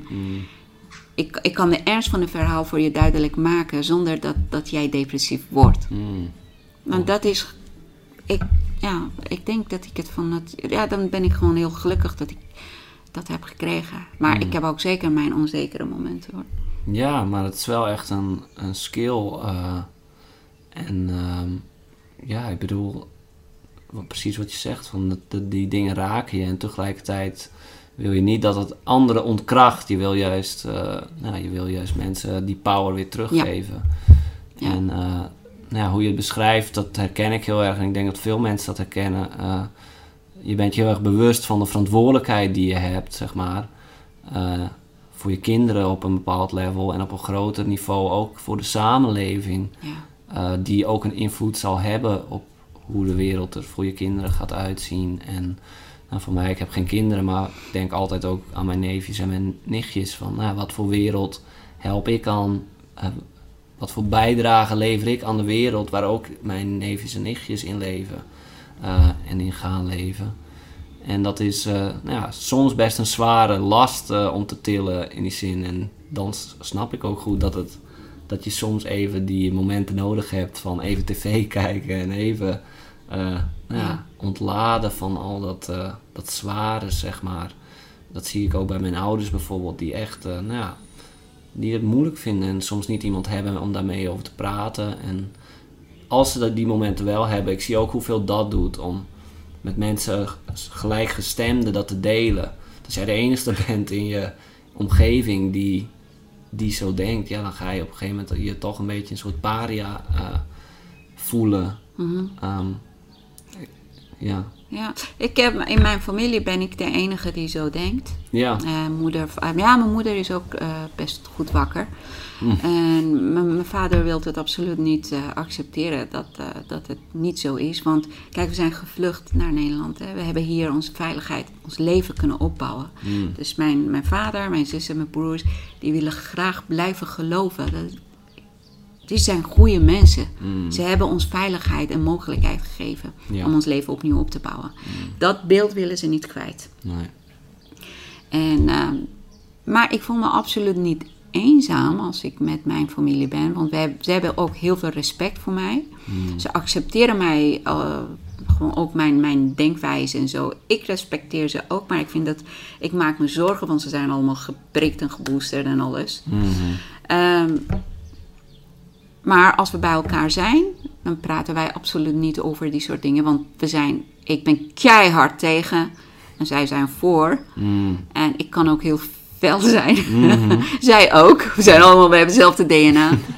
maar je merkt ook dat het continu een muur is. Mm, En dat is jammer. ja, En dat is jammer. Maar daar probeer ik niet te veel aandacht aan te geven. Want dat is ook juist wat, wat eh, die boosdoenders willen. ja, die polarisatie. Yes. Ja, En, eh, dus ik ga nog steeds om met vrienden die voor alles zijn. En ze geloven nog steeds heilig in. Dat weet ik wel. Zelensky is de beste hero van de hele wereld. En alles, alles en nog wat. ja, En dan zeg ik, prima. Zolang dat wij... Ik accepteer dat van jou. Jij accepteert dat van mij. Je hebt geen moeite dat ik daarin niet geloof. Mm, We kunnen gewoon beste vrienden zijn met elkaar. mm, En je hebt mensen die zo krachtig zijn om het te doen. mhm, Maar ik heb ook daarnaast eh, een heleboel nieuwe, mooie mensen leren kennen. mm, dat kan ik me voorstellen. Ja, die je gewoon in alles eigenlijk over die soort dingen met elkaar eens bent. ja. Dus eh, Nou, dat is wel een ding dat ik vaak tegen mensen zeg, van die zich eenzaam voelen. Van, dat het juist in zo'n tijd zo kan helpen. Dat is voor mij, ik heb iemand die me daarin coacht en die, die letterlijk zei, je moet jezelf eh, beginnen uit te spreken. ja, En op het moment dat ik dat deed, ineens kwamen mensen bijna naar me toe, Ja. weet je wel. En nu heb ik een groep vrienden waarbij ik kan praten over het, dat ik alleen maar vlees eet. Ja. En dat ik... en dat bier- je je hoeft niet te schamen Nee, ook. het voelt echt als een warm bad. En ook bij jou. Ik bedoel, Ja. Voordat we de podcast begonnen hadden we het over een schapenkop eten. En ik zit echt met fascinatie zo van, wauw. Het is zo cool dat ik Ja, dit kan bespreken. En dat het niet, eh, niet raar is. Ik bedoel, dat Ja. is gewoon een warm bad. Ik heb, weet je zelf, heb ik gewoon echt wonderen ervaren Mm. eh, van vlees eten. Mm. En eh, kijk, alles. Één leven gaat dood en een andere leven begint. Eh, groente, fruit en zo, die schreeuwen ook, hè? Als je ze aan het plukken bent of als je aan het snijden bent. Ja. Maar weet je, dat eh, ik ga kijken hoe ik mijn lijf op een eh, optimale wijze kan onderhouden. Zodat ik geen last ben voor de wereld en voor, de, voor de medemens. Ja. En, en dat ga ik waarborgen. Ik, ik ga, het was grappig, laatst was ik ergens en dan kwam, kwam ik dan met mijn pakken vlees en zo. Ja. Terwijl dat de anderen allemaal, eh, weet ik veel, dingen aan het eten zijn die ik... Ja, ik weet dat ik daar niet tegen kan. Mhm. Het doet mij niet goed. En zij gingen op zo'n eh beetje vernederende wijze. Oh, dus jij eet vlees. En eh, ik ben het zat, hè. Ik, ik, ik ga mezelf niet wegcijferen omdat jij iets niet goed vindt. Dus ik zei heel erg trots. Ik zei ja, bijna alleen maar vlees. En eh, die keek gewoon een beetje naar mij als, we maken een grap. Ik zei nee, Ja. eet je alleen maar vlees? Ik zei ja, ik leef op vlees en vet. Ja. En zout. Allemaal dingen die ze geloven dat slecht voor je. En dan kijken ze even gewoon van top tot teen naar mij. En dan denk ik, serieus? Ik zei ja. Eet je geen groente en fruit? Ik zei heel weinig. Ja. Bijna, bijna niks. Ja, oké. ja, dus, eh, als het werkt bij jou, dan is dat goed. Ja, maar als, als jij daarover wilt praten, want ik heb ook een heleboel andere informaties die. Misschien vind je het interessant, misschien ook niet. Maar je weet mij te vinden. Ik wil heel graag daarover eh, meer met je praten. Ja. En die zei, ja, lijkt me interessant. Maar als ik al zover ben, dan laat ik je weten. En die is een keiharde veganist. Mm. Dus ik, eh, ik, ik vind het een hele uitdaging. maar ik ga me niet meer eh, anders gedragen omdat ik me schuldig moet gaan voelen, omdat ik vlees eet of dat ik. Nee, ik weet nu veel meer. Mm. En iedereen die daar open voor staat, wil ik graag ook informatie geven. En ik wil een gelijkwaardige gesprek hebben. Maar ik ga me niet schuldig voelen omdat ik een vleeseter ben. Ik zorg dat ik mijn vlees haal bij een bron eh, die be- betrouwbaar is. Mhm. Ik eet never nooit McDonald's. Mm. Never nooit KFC. Never nooit eh, Burger King. Die zijn degenen die echt dieren mishandelen. Mhm. Maar ik haal mijn vlees bij een goede boer. Mm. En ik weet dat, het- dat een dier liefdevol behandeld wordt. Ja. Heel af en toe haal ik het ook één keer of twee keer per jaar van de supermarkt als het echt niet anders kan. Mm. Maar eh, ik ben een trotse vleeseter. Nog een bekentenis. Een- Nog een bekende, ja. Alle- Hey. We gaan allemaal vegan eh, subscribers. Dat, is echt, dat had je nou niet moeten zeggen. Ik dacht Eh, ja. dat we dit zouden censureren. Is kan het er altijd nog uit, uitknippen. Nee, Nee. Maar het is ook gewoon belachelijk hoe de goedheid in mensen wordt eh, misbruikt. hè. Mhm. De vegans die zijn ook echt mensen die het goed willen doen. Tuurlijk, dat is het. Dat is Ja. echt een goed punt. En dat zei een vriend van mij, eh, Joop, met wie ik op de boerderij werk, echt een van mijn beste vrienden, zei ja, ik, ik viel er ook voor. Ik, was, Ja. ik wou echt gewoon het klimaat helpen, Ja. eh, mijn steentje bijdragen. En ik dacht, dit is, ik bedoel, de documentaires zijn eindeloos. Mhm. eh, Maar je bent het juist aan het destroyen. ja, nou ja, in veel gevallen wel. En als, zelfs als je, ja, dit is dan ook mijn mening, maar zelfs als je niet het leven van een koe eh, eh, vernietigt, wat doe je met, je bent zelf ook een dier. eh, en jij hebt de impact om heel veel levens te beïnvloeden. En als je niet in je kracht staat en niet gezond bent, ehm, ja, kan je dat niet Maar doen. zo is, zo is gewoon het menselijke lichaam geprogrammeerd. Mm. Dat is het beste die ons. Het is onze fuel, onze, onze eh, eh, brandstof. Ja, Je kan een auto met een verkeerde of minder goede brandstof laten rijden, maar die gaat allerlei mankementen ontwikkelen. ja, En die gaat ook niet zijn volle leven eh, productief afmaken. nee. Dan belandt hij vaker in, eh, in een eh, eh, garagebedrijf voor de reparatie. Mm. Die kan niet op zijn beste rijden. Die rijdt niet lekker. Je voelt je niet lekker in een auto die op verkeerde brandstof rijdt. Of op niet- geen goede brandstof. Maar gooi gewoon goede brandstof in een auto. Ja. Vanaf het begin tot aan het einde. En kijk hoeveel meer je kan doen met Ja. een goedkope auto. Mm. Die de juiste brandstof krijgt. De juiste onderhoud, eh, onderhoudsbeurt eh, krijgt elke keer. Ja, en het verbaast me zo dat, dat, dat mensen die wel de- ook zeg maar wakkerheid claimen. eh, en een net als mensen als Bill Gates en het vaste clubje zeg maar een hekel aan hebben. En dan denk ik van ja, wie denk je dat, dat, dat al die documentaires pusht? En de grootste eigenaar is van, eh, van land op dit moment ter wereld. En wie denk je dat die genetisch gemanipuleerde eh, broccoli van je aan het produceren is? En wil dat je straks eh, krekelburgers en eh, het hele pretpakket gaat eten? Ja. En kijk, kijk ook hoe die eruit ziet. Ja, Noem jij hem een man? nou ja, en inderdaad. En wil je er zo uitzien? dat is echt, ja, dat, ik weet niet wie dat zei, maar die zei van ja.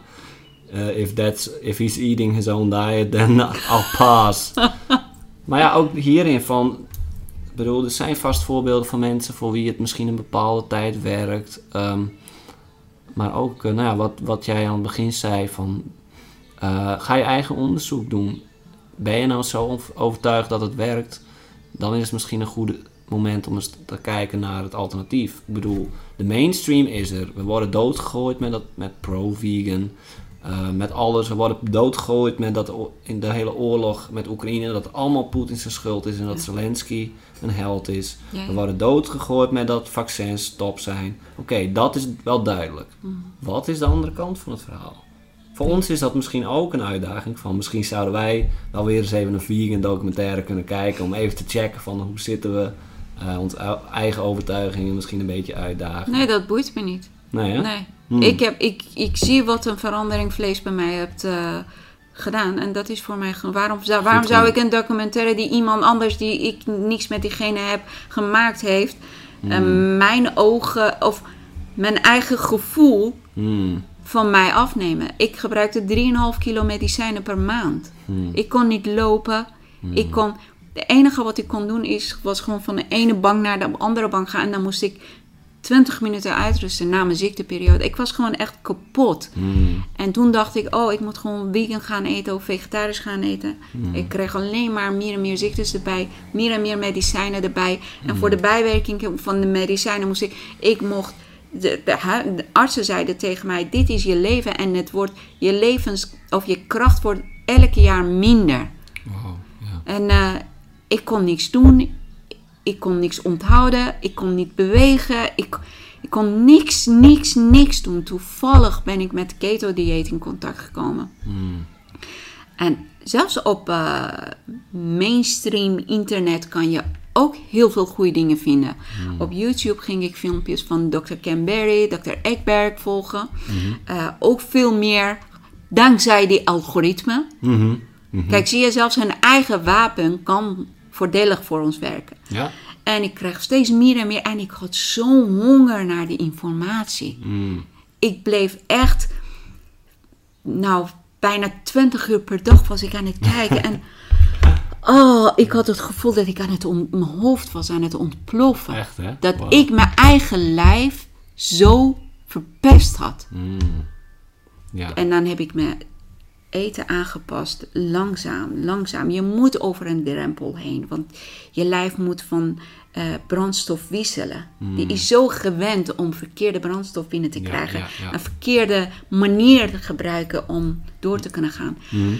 En dan één bij één had ik die medicijnen niet meer nodig. Elke maand kwam zo'n busje vanuit de apotheek Mhm. mijn medicijnen brengen, omdat ze te zwaar waren om het zelf te gaan ophalen. En nou, al die medicijnen af. Mijn lichamelijke kracht kwam terug. Eh, alles. En Ja. ik begon steeds meer en meer naar dierlijke producten te gaan. Dus roomboter, ghee, vlees, eieren, zout. Alles wat wij jarenlang te horen hadden gekregen dat het gif voor je lijf is. Hmm. Ik, heb, eh, ik heb ook een tijdje dat strikt gevolgd. Mhm. Dus geen, geen groente, geen fruit. Nee. Zodat het ook geen ascaleet en al die eh poison en gif die ze spuiten op zelfs vegetarische dingen. Mhm, Die ik niet binnenkreeg. Man, ik was herboren. Echt, hè? Ik was herboren. En nu moet ik dat anders gaan doen, omdat een veganistische documentaire vindt dat het niet goed voor me Shut up. Ik heb het in levende lijf ervaren. Ja. En ik blijf toch trouw aan mijn eigen ervaringen. Mm. Dat is, als ik één ding in het leven geleerd heb, is het kan gewoon wat jij, wat het goed, geen manipulatie, hè? geen verslaving, maar wat het echt goed is voor je lijf, Ja. kan in strijd zijn met de rest van de wereld. Mm. Maar zolang dat je anderen niet ermee bescha- eh, beschadigt of pijn doet, maar je jezelf goed kan onderhouden, blijf trouw aan je lijf, aan je gevoel en aan je eh, in- vermogen die je hebt. Ja, ja. Dus, Nou, ik kan me voorstellen inderdaad als je zo'n reis doormaakt. En ik deel dat, eh, hoewel ik niet zo ziek ben geweest. Ik heb nooit medicatie hoeven slikken. Omdat ik al vrij snel eh, ontdekte, relatief snel dan. Hoewel ik wel even op die, eh, die bandwagon heb gezeten. Dat dokters ook zeiden van nou weet je, slik dit, slik dat. ja. Maar dat ik daar gewoon geen zin in had en keek, nou wat is een alternatief? Maar als je van zo'n plek komt, dan kan ik me voorstellen dat je wel denkt van, ik geloof het wel. Ehm, ik hoef dat niet meer te onderzoeken. Ehm, ik heb daarin mijn eigen waarheid gevonden en wat iemand anders zegt. eh, ja. En mijn eigen bewijs is mijn eigen waarheid. nou ja, en dat is Ja. wie hier nu voor me zit. En je Ja. ziet er gezond en sterk uit. En, We weten niet wat morgen met zich eh, meebrengt, hè? Nee, Maar dat is waar. ik heb gewoon, ik, ik voel me levendig. En dat Mm. vind ik belangrijk. Ja, mooi. Blij dat je die keuze hebt genomen. En, eh, Ik ben Dat blij dat- dat ik door internet toevallig mm, eh, op de juiste spoor ben gezet. Ja, nou ik herinner me het moment ook dat ik, eh, misschien om af te sluiten van, met carnivoren, van, dat ik voor het eerst daarover hoorde van Michaela Peterson. Ja, tuurlijk, die volg ik ook met volle, ja. Ja, en zij vertelde daarover, en het is echt een oud fragment, dat ze met haar vader in een soort talkshow zat. En dat was iets van vijf jaar nadat ze ook al in die show was geweest. En in de eerste aflevering was ze nog, nee, zag het wat bloated, doordat ze medici- medicijnen gebruikte. En je zag haar echt, nou, ze was gewoon ongelukkig. Ja, En toen, eh, twee jaar daarna of zo, zag je haar opnieuw. En was ze ineens levendig. En ze was van al haar medicatie af. Zowel Ja. voor reuma en voor, eh, zeg maar voor depressie, chronische depressie. en auto-immuunziektes, alles, Ja. alles. En ik, ik werd er echt super emotioneel van. Ik dacht, wat? Ja. Dit, het is mogelijk. Ik Ja. kan hier iets aan doen. En het heeft best wel even geduurd. Wat jij ook zei, dat het is een reis op zichzelf geweest. Ik denk dat we daar een hele podcast over kunnen doen. Van Ja. hoe, hoe dat proces gaat. En eh, Het is in strijd met alles wat je geleerd hebt. Ja, het met het meest absurde ooit. Ja, Ik bedoel, ik ben nog nou, de laatste tijd meer, gelukkig, omdat het ook toch iets mainstream, of iets populairder, laat ik het zeggen, begint te worden. Maar, nou, ik, ik, ik zei het al, ik had ook nieuw werk en dan ben ik ook degene die zit daar in de pauze met een grote bak vlees, met zijn blote voeten I feel you, man. Ja, zo van, en de mensen denken, oké. Daar komt hij weer, door. Ja. En het is normaal om in de pauze frikandellen te gaan eten en een stuk gebak en dan een peukje Ja. op te steken. Dat is normaal. Ja, ja. En ja, Jezelf poisonen is normaal. Jezelf onderhouden is, is abnormaal. ja, ja, ja. I love it. Me too. Laten we lekker abnormaal blijven. Ja. Sjoro, om af te sluiten ben ik nog heel benieuwd. Omdat, ja, je, je navigeert je naar mijn mening heel goed eh, in de wereld, ondanks de uitdagingen. Ehm, wat, wat zie jij? Je hebt zoveel meegemaakt. Je, voor Welsmerts heb je nou, toch wel een grote namen uit de, de wereld van Wakker Nederland zeg maar, mogen interviewen. Mensen als Jorn Luca, Matthias de Smet. En je hebt een hele sterke intuïtie en eh, waar je op vertrouwt. Wat blijkt uit wat je zegt. Wat, wat zeg jij over de toekomst? Het lijkt alsof we in een soort rustige periode zitten relatief. Hoewel het oorlog is en eh, het wat dat betreft niet rustig is. Maar eh, nou, met maatregelen en dingen. Lijkt het wat rustiger. Ondertussen is in Duitsland gewoon een vaccinatieverplichting doorgepusht, eh, wettelijk op dit moment. Wanneer is dat gebeurd? Dat heb ik niet meegekregen. Volgens mij gisteren is, eh, is het nu bij wet eh, toegestaan en dat eh, lichamelijke integriteit onderdoet aan de, de veiligheid van de Duitse bevolking. Dus het is dan ook bij wet toegestaan om een vaccinatie in Duitsland te verplichten. Direct verplichten of indirect? Nou, het wordt niet direct verplicht, Ja, maar dat is het. hè. het is nu wel bij wet vastgelegd dat dat grondre- grondrechtelijk, zeg maar, wettelijk is toegestaan. Dus ja, om, we kunnen niet zeggen dat, dat er geen dingen gebeuren. Op de achtergrond gaat de strijd gewoon door. Ehm, dit is een voorbeeld van iets wat nog gebeurt. Wat, wat denk jij? Wat, wat kunnen we nog verwachten de komende tijd? Ik kan geen voorspellingen doen. Weet je, het is, eh, het is zorgwekkend Mhm. wat nu gaande is. De wereld is in de handen eh, van aantal psychopaten die geen menselijke vermogen hebben. Mm. Dus daar moeten wij over waken. We moeten, we moeten wakker zijn. Ik kan niet zeggen hoe we moeten gaan leven, maar ik, mensen moeten hun eigen vrijheden waarborgen. Je moet je niet schamen als jij eh, vrij wilt zijn. Je moet je niet schamen als je een bepaalde manier van eten hebt. Je blijft trouw aan je waarden en wat goed voelt bij jou. En mensen moeten beseffen, het is een hele dunne lijn tussen eh, eigenliefde en egoïstischheid. Wees geen egoïstisch, maar wees lief voor jezelf. En eigenliefde is dat je jezelf respecteert. Eh, en dat gaat niet ten koste van anderen. Nee. Nee, nee.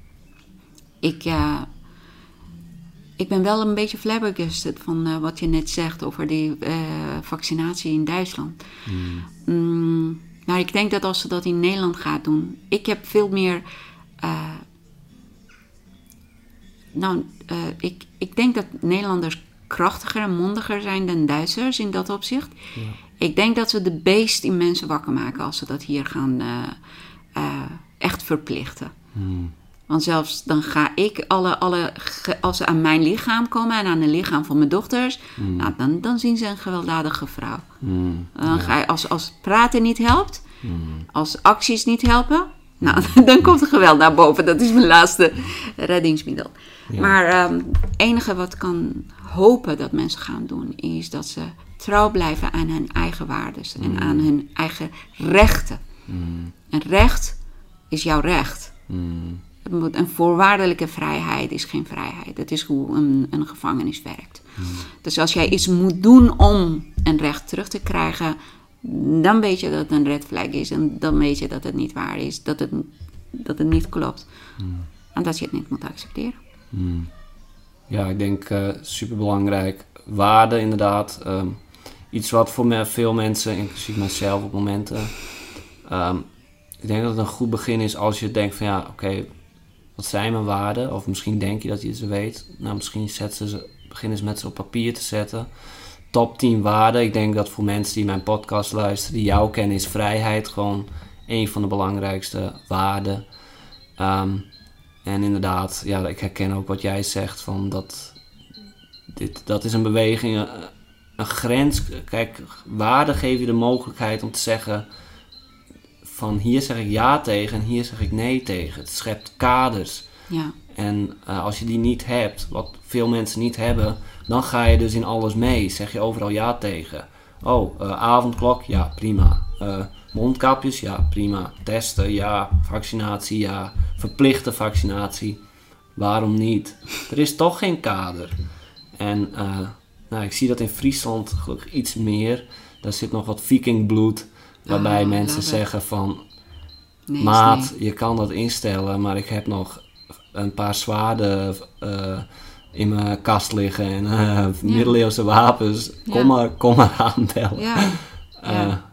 en dat is, dat is een, zeg maar, een waarde zeg maar, die vrij extreem is.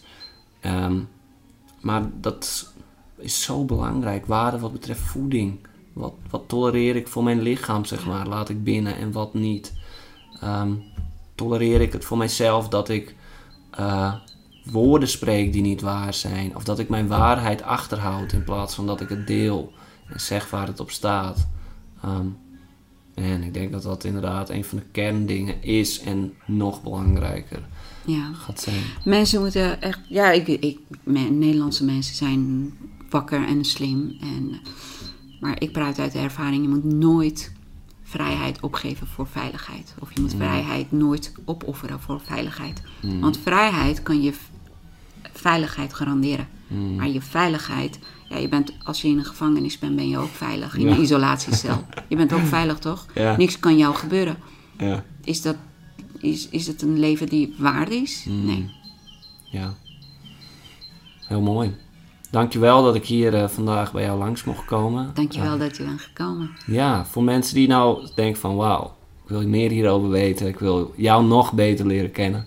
Waar eh, kunnen ze je vinden? Ik heb een eigen podcast, de Z-Talk. Ik weet niet of jij een link ergens kan zetten. Ja? Daarin spreek ik een menselijke gesprek, eh, voer ik met mensen.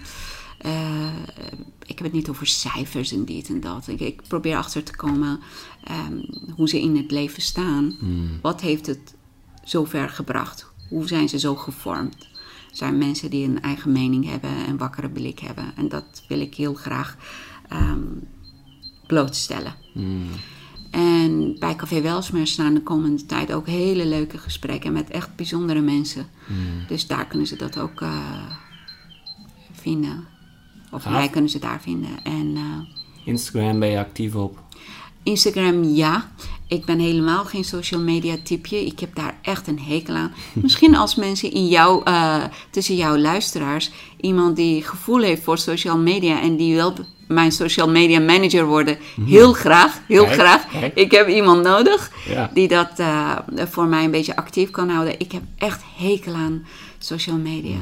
Ja. Dus eh, ja, op Instagram, Shora Vestali is eh, mijn Instagram-account. Eh, probeer ik soms grappige dingen te posten. Soms kondig ik aan de afleveringen die aankomen.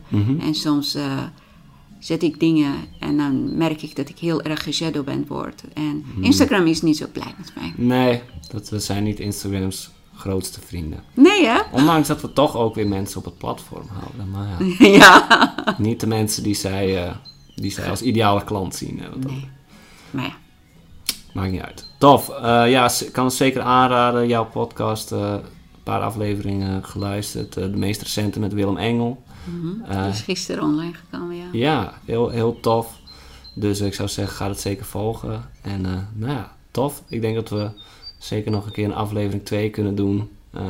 Wie weet. Be my guest, je bent altijd welkom hier. Ja, dankjewel. Oké.